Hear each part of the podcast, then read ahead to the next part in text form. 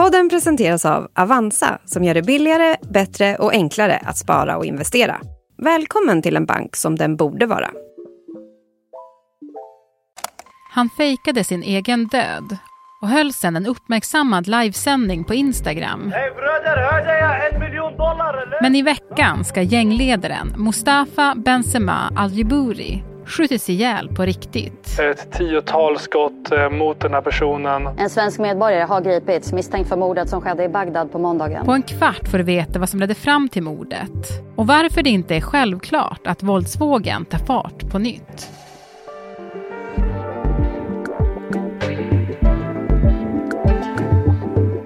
Det är den 12 januari. Det här är Dagens Story från Svenska Dagbladet med mig, Alexandra Karlsson. Gäst idag, Adrian Eriksson, nyhetsreporter på SvD. Du Adrian, i början av veckan så kom det ju väldigt dramatiska bilder från Iraks huvudstad Bagdad. De här bilderna ska vara ifrån platsen där gängtoppen Mustafa Benzema Al-Jibouri ska ha skjutits ihjäl i en Ja, det stämmer. På eh, måndags eftermiddagen där så började det ju cirkulera bilder och videoklipp där man såg en man ihjälskjuten i en stor svart eh, Mercedes. Och eh, den här mannen påminde ju väldigt mycket om Mustafa Benzema Al-Jibouri som eh, haft en, en eh, central roll inom det som tidigare var Foxtrot-nätverket. Han hade ett pris på sitt huvud efter att ha brutit med båda sidorna i Foxtrot-konflikten och försökt etablera ett nytt eget gäng. Ja, men när det här hände och de här, de här uppgifterna kom så började vi eh, jobba direkt för att försöka få en bekräftelse på att det här var, verkligen var Benzema. Och poliskällor till oss uppger att svensk polis var i kontakt med irakisk underrättelsetjänst samma dag som ska ha bekräftat att det faktiskt var han som blivit skjuten. Mm. Ja, men Mustafa Al-Jibouri, eh, han har ju blivit mer känd under sitt alias då, Benzema. Eh, och vi kommer att prata mycket om honom i programmet idag. Så vem var han? Ja, men 34-årige Mustafa Al-Jibouri var ju en, en ledande figur inom Foxtrot-nätverket. Men hans kriminella bana började ju långt tidigare. Han är ju eh, dömd för grova narkotikabrott, för vapenbrott. Och första gången han döms, då är han 19 år och det är för att ha bränt ner en videobutik i Upplands Väsby, kommunen där han växte upp. Mm.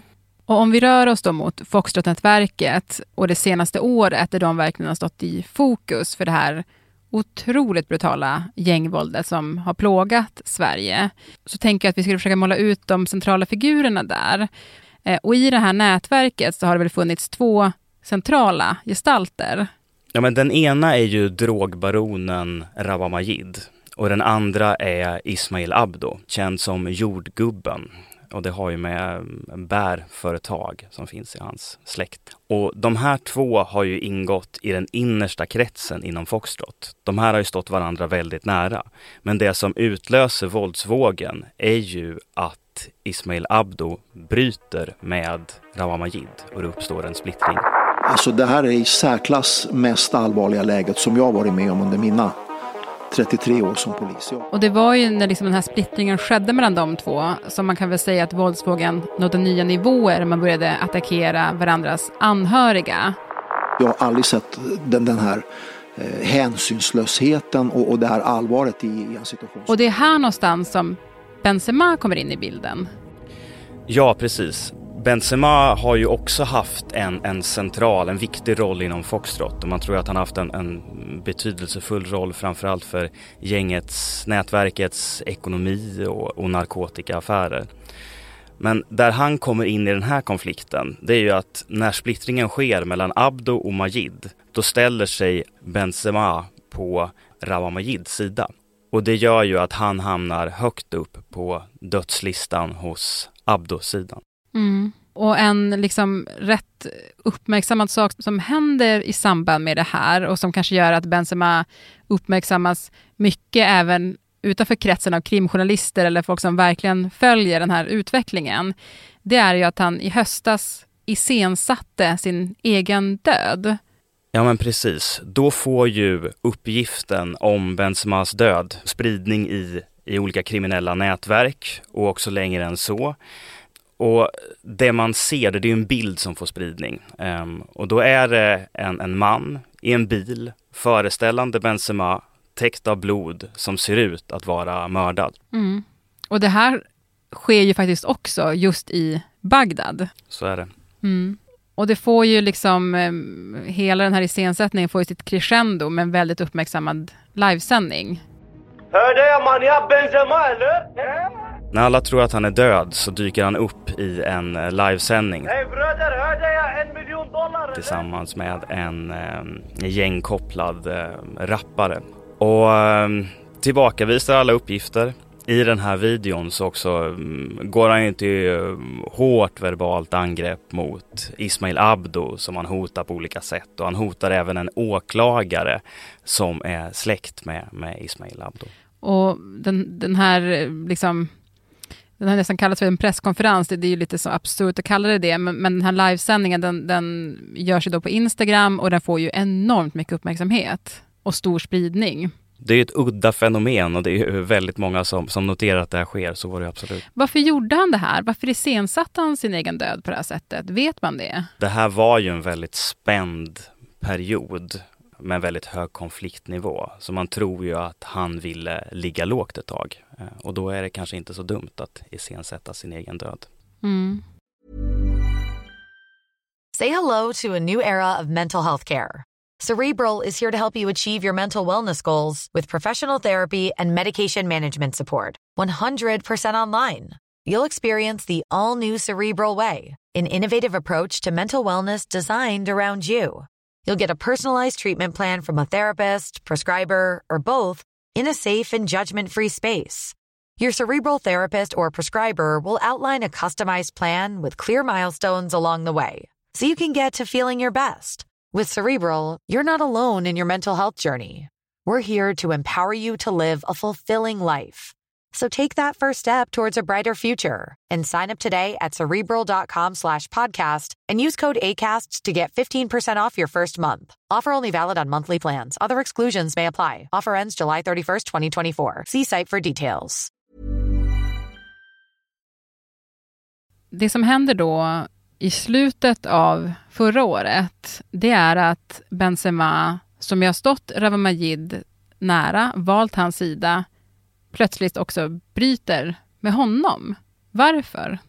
Ja, alltså exakt varför det här sker, det, det är svårt att klarlägga.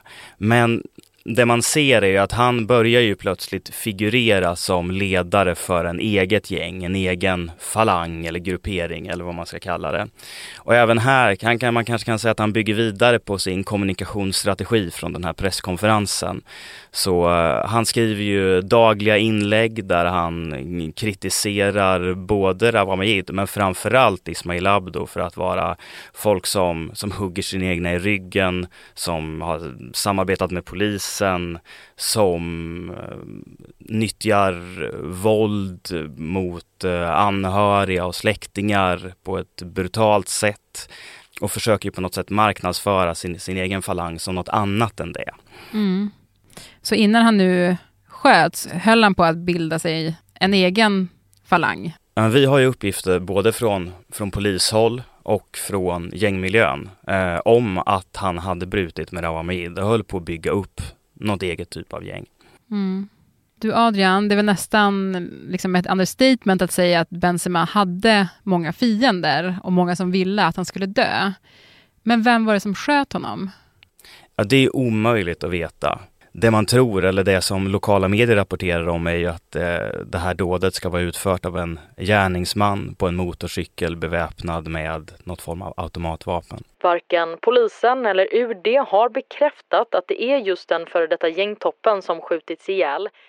Men det vi faktiskt vet i dagsläget, uppgifter som vi har fått från källor inom polisen, är ju att tre personer svenska medborgare eh, har frihetsberövats eh, i, eh, Irak. Det ska dels vara en 19-årig eh, man från en norrländsk stad. Han är dömd för vapenbrott och har förekommit i en mordutredning. Och han är ju den som misstänks ska ha hållit i vapnet. Och enligt poliskällor så finns det en koppling till Ismail Abdos falang. Men det man ska ha med sig i det här läget, alltså hela gängmiljön har ju blivit mycket mer fragmenterad och oviss på senare tid och det finns torpeder som ska ha utfört dåd åt olika konkurrerande grupperingar så ska man ju ta uppgifterna med en stor nypa salt här inledningsvis. Are you ready to enhance your future in tech? Then it's time to make your move to the UK. The nation that has more tech unicorns than France, Germany, and Sweden combined. The nation that was third in the world to have a $1 trillion tech sector valuation. The nation where great talent comes together. Visit gov.uk forward slash great talent to see how you can work, live, and move to the UK. Och de som nu har gripits då, eh, om de sen kommer åtalas, kommer det att ske i Irak eller hur funkar det? Ja, men själva brottet har ju begåtts i Irak, så grundregeln är ju att det blir en irakisk rättsprocess av det här. Irakiskt rättsväsende har ju möjlighet att begära att svensk polis på olika sätt ska biträda utredningen. Genomföra husrannsakan, förhör, den typen av bevisinhämtning. Ehm, men när jag var i kontakt med mm, mm, Polismyndigheten i onsdags så hade det inte kommit in någon sån förfrågan från irakiska myndigheter. Mm. Men ehm, alltså om de då, vi säger att det här går till åtal, någon döms för det här mordet, då finns det ju dödsstraff i straffskalan i Irak. Nu, nu är vi tidigt i processen, men skulle en domstol i Irak komma fram till att det rör sig om mord, det har funnits uppsåt att döda den här personen, då finns ju eh, dödsstraff i straffskalan. Mm. Vad tror man kommer hända nu i den kriminella miljön efter det här mordet? Ja, men polisen har ju varit på tå här dagarna efter dådet. Dels med underrättelseinhämtning, dels att hålla koll på adresser där möjliga måltavlor bor. Just för att man befarar att det kan ske hämndaktioner. Det verkar ju trots allt ha varit ganska lugnt. Vi har inte sett några större sprängningar eller skjutningar i Stockholmsområdet eller Uppsala till exempel, där liksom, som var centrum för, för höstens våldsvåg. Och Uppsala är ju också därifrån. Både Rawa Majid och Ismail Abdo kommer ju därifrån. Men en sak man ska ha med sig om eventuella hämndaktioner är ju att enligt de poliskällor jag pratar med så har ju inte Benzema alls den tyngd som Rawa Majid hade tidigare eller Ismail Abdo har idag. För det är ju Ismail Abdo som polisen bedömer är den starkaste falangen i resten av Foxtrot-nätverket. Så om någon av de två hade blivit mördade så tror jag att konsekvenserna hade blivit mycket, mycket större. För det är trots allt så att nu i slutändan vet vi inte riktigt vilka som faktiskt ingick i Benzemas krets och hur stark uppbackning hans falang egentligen hade. Mm. Du till sist, alltså den här våldsutvecklingen vi har sett i Sverige och jag tänker kanske framförallt på förra året när den liksom gick in i en så helt absurd fas. Man önskar ju hela tiden att det ska ta slut och man letar efter tecken på att det kanske börjar närma sig sitt slut. Och när liksom gängtoppar mördas, påverkar det någonting? Alltså det kan ju ha en enorm påverkan. När sånt här händer kommer det alltid finnas aktörer som ser sin chans att flytta fram sina positioner. Det kan ju leda till våld. Men samtidigt som man ser höstens våldsvåg, det kostar också enormt mycket pengar, våldskapital att bedriva gängkrig på det sättet. Och det har ju också funnits missnöje i, även i de kriminella leden att man ger sig på mammor, släktingar och så vidare. Så att där gör man väl också avvägningar i den kriminella miljön och vad man landar i till slut är ju svårt att säga. Vi får fortsätta följa utvecklingen. Tack så jättemycket. Tack.